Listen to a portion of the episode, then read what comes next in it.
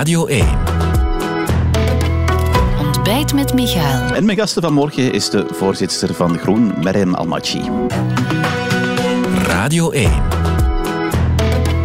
Ontbijt met Michael. Goedemorgen, mevrouw Almachi. Fijn is te zeggen, ik ben hier te gast bij u in Deurne-Zuiden, waar u woont. Ehm, ik wil even beginnen met wat deze week mij opviel in eh, Brussel. Heel die discussie over het eh, al dan niet invoeren van de coronapas, want die cijfers eh, zijn daar niet goed. Die vaccinaties zitten ook niet eh, echt geweldig. En dan hoor ik een eh, minister van Ecolo daar ja, echt wel treuzelen, hè, Alain Marant? Goh, ik denk uh, wat dat betreft dat het duidelijk is dat de cijfers ingrijpen nodig maken en dat de Brusselse regering voltallig heeft beslist om vanaf 1 oktober hè, maatregelen te nemen en de coronapas uh, in te voeren. Um, ja, wat dat betreft is er geen tijd voor treuzelen. Hè. Daar hebt u gelijk in. Uh, maar dat is ook de beslissing die uiteindelijk genomen is. Ja, maar met lange tanden van, uit Ecolo toch? Hè? Wel, wat belangrijk is, en ik denk dat die nuance, dat men dat heeft willen proberen aanbrengen, is dat je natuurlijk een ingrijpende maatregel neemt. En dat is de, het moeilijke evenwicht dat je doorheen heel corona hebt. Je wil de vrijheden van mensen, de grondwettelijke vrijheden, de fundamentele vrijheden beschermen, maar je wilt tegelijkertijd ook de volksgezondheid beschermen. En je moet pragmatisch zoeken naar een evenwicht. En wat, wat ons betreft, wij willen vooral voorkomen dat we terug naar een nieuwe lockdown zouden gaan. En we willen daarbij een goed evenwicht houden tussen voorkomen dat het erger wordt en dat we terug vrijheden moeten afpakken. Want we zitten nu in een context waar toch wel wat meer mocht hè, uh, dan, dan dus vroeger. Dus een goede zaak, de coronapasjes ja, in absoluut. Brussel? Ik denk dat Brussel, de vaccinatiegraad in Brussel, zoals in heel veel grootsteden, ook in Antwerpen, ook in de rest van Europa, je ziet dat de problematiek van de vaccinatiegraad in de grote steden, ja, dat het daar moeilijker is om, om al die mensen mee te krijgen uh, in die vaccinatielogica. Ja. Zegt u dan ook wat Alain Marant daar deed, dat uh, ja, twijfelen toch, dat, dat uh, proberen uit te stellen, dat was niet goed? Wel, ik zeg dat, uh, dat de cijfers duidelijk maken dat in Brussel ingegrepen moet worden en dat het ook vandaag die beslissing gevallen is, hè, met, uh, met medeweten en vooral ook de ondersteuning van Alain Maron zelf, omdat de cijfers gewoon waren wat ze waren. Maar het is voor elke beleidsmaker zoeken naar een evenwicht tussen hoe voorkomen we dat we terug vrijheden moeten afpakken en toch zo min mogelijk ingrijpen in die fundamentele vrijheden. Laat het ook duidelijk zijn, vanaf dat de cijfers beter zijn, moet je dan ook zo snel mogelijk die ingrijpende maatregelen kunnen afbouwen. Ja, daar werd ook wel eens van gezegd, uh, Ecoloja, die hebben in hun achterban, in hun electoraat, wat antivaxers, uh, ook, ook bij de hoogopgeleide Brusselaars, speelt dat mee? Wel, ik... ik ik heb het moeilijk om alle niet-gevaccineerden als antivaxers uh, te, gaan, uh, te gaan definiëren. Waarom? Maar je ziet, omdat er ook mensen zijn die omwille van fragiele gezondheid ook dat advies krijgen. Dus er zijn uh, uitzonderingen. Het zijn niet allemaal mensen die uit ideologische overtuigingen. net daarom is een voldoende hoge vaccinatiegraad bij de rest van de bevolking, bijvoorbeeld ook voor die mensen, belangrijk. Ehm, maar dat is eigenlijk niet de essentie. Het belangrijkste is, wat mij betreft, dat je daar geen electoraal opbod van maakt. Wij zijn als beleidsmakers verantwoordelijk om te zorgen dat de algemene volksgezondheid zoveel mogelijk wordt beschermd. Tegelijkertijd moeten we ook altijd goed dat evenwicht houden. Um, ik, ik, stel alleen maar vast dat, in, dat, dat we daar tot nu toe goed in geslaagd zijn. Hè. Ik weet niet wat, uh, wat een en ander zijn overwegingen zijn, maar voor ons is het heel duidelijk. Ja, want dat, uh, het is wel duidelijk, u refereert er ook aan, die vaccinaties zijn natuurlijk wel de uitweg uit dat hele lijden. Dan zou je ook gewoon kunnen verplichten, mensen verplichten om te vaccineren. Wel, ik denk dat we in die fase nog niet zitten. Hè. Onze partij, wij zeggen goed voor mensen die met kwetsbare mensen in contact komen, bijvoorbeeld de zorgverleners, is dat echt een overweging? Is dat echt iets dat we, waarvan wij denken dat we dat moeten doen? Moet je dat voor de hele bevolking doen? Wel, er wordt aan deur, van deur aan deur gaan met man en macht gewerkt om die vaccinatiegraad op te trekken. In Brussel, hier in de andere grootsteden hetzelfde. Laat ons eerst daarop inzetten en dan kijken waar we staan. Dat en is, eventueel dat is dan wel als laatste optie? Wel, opnieuw, zoals ik daarnet zei, je moet altijd voorzichtig zijn als beleidsmaker met ingrijpen in fundamentele rechten. Maar je moet ook pragmatisch zijn. Je moet ook kijken wat de situatie op het terrein is en dat goed in de gaten houden. Dus ik begrijp dat dat debat leeft. Maar mijn uh, uitgangspunt nu is, laat ons alles op alles zetten om te zorgen dat we die vaccinatiegraad op een andere manier zo hoog mogelijk krijgen. Van deur aan deur, met de bussen aan de scholen, op belangrijke plaatsen. Dat is nu uh, hetgeen waar we denk ik nog voor moeten gaan. Dat werkt ook. Hè. Als mensen zien dat hun buren doet of andere mensen die misschien ook twijfelen dat heeft ook een positief effect. Uh, en laat ons dan kijken waar we staan. Ja, een andere afweging die je kan maken is zeggen, ja, wie wel gevaccineerd is, die kan alles mits tonen van dat bewijs, dat pasje. Wat vindt u daarvan? Wel, opnieuw, in Brussel is er nu uh, de vraag gesteld geweest, mogen we het in Brussel invoeren? dat zou dan op 1 oktober zijn. Waarom? Omdat we zien dat in Brussel de situatie dermate uh, ernstig is dat het daar nodig is. Hè. Uh, wat betreft de pasjesmaatschappij, ook daar is het niet zwart-wit, is het niet alles of niets. Laat ons er eerst aan doen dat we zoveel mogelijk mensen overtuigen dat we niet naar die pasjesmaatschappij zouden moeten gaan. Waarom? Omdat uh, ja, dat evenwicht tussen ja, die niet willen afpakken, hè, wat mensen nu hebben, wat, wat we hebben verkregen aan een hele lange inspanning van heel veel burgers, anderhalf jaar lang, hè, om, om dat coronavirus onder controle te krijgen, om de curve naar beneden te krijgen, om te refereren naar iets wat we helemaal in het begin hebben.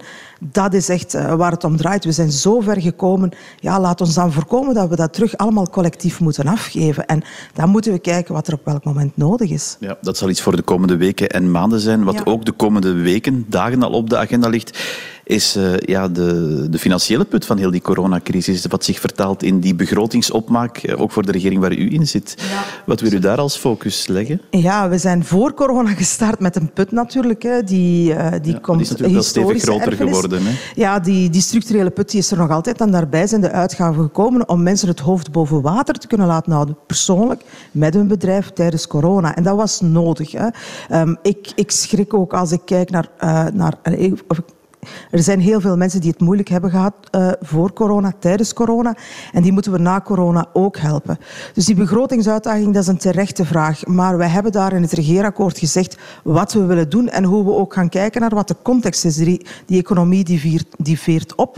Uh, ja, dat brengt natuurlijk wel weer wat zuurstof. En nu gaan we samen rond tafel moeten zitten hoe we dat aanpakken. Ja, moeten er extra nieuwe inkomsten gezocht worden wat uw partij betreft bij deze begrotingsopmaak? Het zal altijd een evenwicht moeten zijn hè, tussen wat kunnen we efficiënt te doen, wat kunnen we verschuiven. Het grote debat van ja, toch wel uh, de grote subsidies die er gaan naar vervuilende activiteiten in tijden van klimaatverandering niet, uh, niet meer aan de orde. Of toch iets waar je echt naar moet kijken, uh, wat ons betreft als Groene Partij. En ook, ja, eh, waar kan je eventueel nieuwe inkomsten krijgen? Wat kan je efficiënter doen? Wat kan je voorkomen? Ja, we weten bijvoorbeeld vandaag dat, er, dat we um, in de sociale zekerheid enorme uitgaven hebben voor mensen die langdurig ziek zijn. Dat is niet zozeer de problematiek van de uitgaven, maar vooral een problematiek van levenskwaliteit van het aantal mensen met burn-outs dat in onze samenleving schrikbarend hoog ligt. Iedereen kent wel iemand in zijn of haar persoonlijke omgeving die uitgevallen is uh, omdat hij de combinatie niet meer aan kan, omwille van verschillende redenen, die het moeilijk heeft. Dus wij kennen allemaal iemand met burn-out in onze omgeving. Dat is een problematiek die we omwille van levenskwaliteit, omwille van bezorgdheid voor het welzijn van onze mensen moeten aanpakken. En als we dat kunnen doen, dan zien we ook dat preventief ingrijpen, dat dat ook een positief effect gaat hebben op die sociale zekerheid. En dat zijn een aantal zaken waar we toch echt naar moeten kijken. Het welzijn van onze burgers verhogen is ook goed voor ons allemaal. Ja, preventief ingrijpen, wat bedoelt u daar dan mee? Wel, we zien dat werkbaar werk, dat is een woord dat al een aantal jaren wordt gebruikt, maar waar dat nog weinig vooruitgang op geboekt is in de realiteit. We praten heel veel over werkzaamheidsgraad. We hebben met deze regering beslist dat we naar 80% werkzaamheidsgraad moeten gaan. Maar er is ook zoiets als de werkbaarheidsgraad en die is de afgelopen jaren gedaald. De Vlaamse regering heeft een doelstelling gezet van 60 procent. We halen die niet. We zitten op 50 procent. In de horeca is dat 40 procent. Dat is de reden waarom, dat mensen, uh, waarom dat de horeca het zo moeilijk heeft om na corona mensen terug te vinden. Omdat het een job is die moeilijk werkbaar is. Wij moeten nadenken, hoe kunnen we die werkbaarder maken? Ja, wat, wat, wat, is uw suggestie daar dan voor? Wel, ik denk dat er aan? vanuit de Vlaamse regering echt die oefening rond werkbaar werk moet gebeuren. Dat je een soort burn-out plan zou moeten kunnen ontwikkelen. Federaal is er uh, zijn er een aantal maatregelen om langdurig werklozen terug te kunnen begeleiden naar werk. Maar daarvoor heb je ja, aanpassingen nodig op de werkvloer. En wat ons betreft als Groene Partij zijn er twee zaken die we zien die federaal kan doen. En dat gaat dan als iemand kort ziek is, schaf dat korte ziektebriefje af. Dan krijgt die huisarts die dan eigenlijk gewoon een beetje ja, een notitie moet nemen en u een briefje moet geven voor twee dagen ziek te zijn. Dat is een soort administratieve taak die dan wegvalt. En maak werk van fitnotes. Dat zijn eigenlijk ziektebriefjes die zeggen wat iemand nog wel kan. En zeker voor langdurig zieken, als je samen met hen kan kijken er zijn er heel veel die eigenlijk graag nog wel iets willen doen om zo ook het contact met het werk te houden. Als je dan kan zorgen voor een aangepaste werkomgeving en een briefje dat eigenlijk zegt dit kan men nog, dit wil men nog doen, ja, dan zit je uit dat zwart-wit debat en dan is er heel veel mogelijk. Maar opnieuw, er moet preventief ingegrepen worden, want die werkbaarheidsgraad is veel te laag. We moeten onze jobs werkbaarder maken en tegelijkertijd ja, die reïntegratie op de werkvoer, de aanpassingen die daar moeten gebeuren. Ik heb ook gehoord deze week op de VOCA-rentree dat daar een opening voor is. Dus ik zie bij werkgevers en werknemersorganisaties heel veel bereidheid om daarover na te denken. En dit is wel het moment na corona. Op die uh, VOCA-rentree, want daar was u ook, hè, mevrouw eh, Almachi, ging het ook over dat andere dossier dat op de tafel ligt en zeker gaat liggen de komende weken, de uitstap, de mogelijke uitstap uit uh, kernenergie uh, voor uw partij? Want uw partij heeft dat natuurlijk op de agenda gelegd, het sluiten van alle kerncentrales. Waar staan we nu eigenlijk op uh, het moment dat moet beslist worden? Dit wordt najaar van het klimaat, dat is absoluut zeker. En waarom is die vraag belangrijk? Omdat deze Vivaldi-regering heeft beslist om de overgang te maken naar 100% hernieuwbare energie. En dan hebben we de vlucht vooruitgenomen en gezegd, bon, vijf van de zeven kerncentrales zijn beslist door de vorige regering sluiten. Sowieso, we hebben eigenlijk een tekort aan elektriciteit opwekking in eigen land. Ook als je twee kerncentrales langer zou verlengen. Dus dat betekent dat we eigenlijk extra capaciteit moeten hebben. En dat heeft in het regeerakkoord geleid tot drie belangrijke um, ja, toetsstenen eigenlijk voor het beleid. We moeten zeker zijn dat het licht niet uitgaat. Dus het risico lopen dat, uh, dat ergens het licht uitgaat omdat we te weinig elektriciteit hebben. Dat is een verantwoordelijkheid die deze regering niet wil nemen. Dus de bevoorradingszekerheid is een belangrijke toetssteen. Twee, we moeten de prijs onder controle houden. We willen niet dat mensen hun factuur omhoog gaat. Dat is een belangrijk Vlaams onderdeel van de elektriciteitsfactuur, maar ook federaal. En federaal hebben wij beslist, die zal niet stijgen. Tine van der Straten heeft bijvoorbeeld bijvoorbeeld ook het sociaal tarief voor mensen in armoede, energiearmoede, heeft dat uitgebreid. Veel meer mensen uh, vallen daar nu onder. Er wordt gewerkt aan de energienorm. En drie, de duurzaamheid. Wij geloven in technologische innovatie. Wij geloven dat die switch naar hernieuwbare energie, dat we die nu moeten inzetten. Ja. Dat zijn de drie toetsstenen. En dan gaan we kijken in november hoeveel bedrijven willen investeren om dat tekort aan capaciteit eigenlijk ja. uh, op te vangen dat, via energiecentrales. Okay, dat punt kennen we. Het, het, cruciale element voor uw partij zal zijn, want dat is toch altijd gezegd, gaan al die kerncentrales vijf gaan er dicht, gaan die alle zeven dicht. Ja. Wat, wat is het nu? Wel, we zitten op dit moment op koers. Er zijn heel wat bedrijven die al vergunningen hebben of bedrijven die naar de veiling willen gaan en een vergunning willen aanvragen. Maar we zullen pas definitief weten of het scenario A, alle kerncentrales dicht, of scenario B, twee verlengen zal zijn op het moment dat ja, het want Daar wil ik even op ingaan, mevrouw Matje. Ja. Uw uh, vicepremier Petra de Sutter die heeft, uh, ik denk dat het een interview in de Standaard was, mm. en gezegd wij gaan de geschiedenis ingaan als de partij die ervoor gezorgd heeft dat die zeven kerncentrales uh, dichtgaan. Wat als uh, binnen een paar weken blijkt dat uh, er onvoldoende bevoorradingszekerheid is, kan uw partij leven met een verlenging van die kerncentrales? Wel, het, de grote verdienste van, van dit debat is dat nu voor iedereen duidelijk is dat we definitief naar de sluiting van die kerncentrales gaan. De afgelopen 17 jaar hebben wij ja. gedebatteerd over van alles en nog wat, vooral over problemen. Dat is niet nieuw ook, dat is beslist in 2001, denk ik. In 2003 is ja. de definitieve beslissing gevallen, maar daar is eindeloos over gedebatteerd. Dat debat is nu gestopt. En eigenlijk is uw vraag super pertinent. Want de afgelopen 17 jaar hebben wij gedebatteerd alleen maar over problemen. Gaan we daar nu mee voort of gaan we daar niet mee voort? Die beslissing is nu gevallen. De vraag is gewoon welke termijn. En die beslissing is belangrijk om die omslag naar hernieuwbare energie ja. te maken. Maar u snapt mijn punt, mevrouw Machi. Kan u leven, kan uw partij leven als binnen een paar weken moet beslist worden. Die twee kerncentrales die zullen langer moeten open blijven. Wat zegt u dan? Wel, dat is optie B in het regeerakkoord. Dus dat is een compromis dat we zelf onderhandeld hebben. En dus wij kijken daar eigenlijk naar. Wij kijken gewoon naar wat is de business case? Wat zal er op het moment van de veiling aangeboden ja. worden? Hè? En wij doen er alles aan. Maar het kan voor u, hè? dat zegt maar u. Ja, dat, dat is inderdaad een onderdeel van het regeerakkoord. Dus dat kan. Hè? En hoe lang kan dat dan verlengd worden wat u betreft? Wel, dat is, dat is niet het debat. Hè? Dus het debat op dit moment dat is toch ook relevant? Waar, dat is absoluut relevant. Maar op het moment van de veiling gaan we zien, is er voldoende capaciteit of niet? Als er onvoldoende capaciteit is, ik heb u daarnet gezegd, wij willen het risico niet lopen dat het licht uitgaat. Als er onvoldoende capaciteit is, dan zal, dan zal de overweging van optie B, het verlengen van de bestaande. Maar hoe lang dat, dat dan is enzovoort, dat is het debat niet. Ik wil wel zeggen... Maar dat gaat als op de, tafel kern... liggen dan? Want u zegt, dat is het ah, debat niet, dat gaat toch op de tafel liggen? Dat zal het debat op dat moment zijn. Nu is dat niet aan de orde. Maar ik wil u wel zeggen, dat het verlengen van kerncentrales een optie hè, die uh, op tafel ligt ook geld kost. Hè. Dus dat kost ook wel 1 miljard euro om uw kerncentrales te verlengen. Maar laat ons eerst doen wat nodig is. Laat ons eerst naar die veiling gaan. We zitten op koers. Tine van der Straten is in geslaagd om op één jaar iets mogelijk te maken wat op 17 jaar niet is gelukt. En dat wil ik wel zeggen. 17 jaar lang, toen wij naar internationale klimaattoppen gingen, kregen wij de prijs van fossiel van de dag.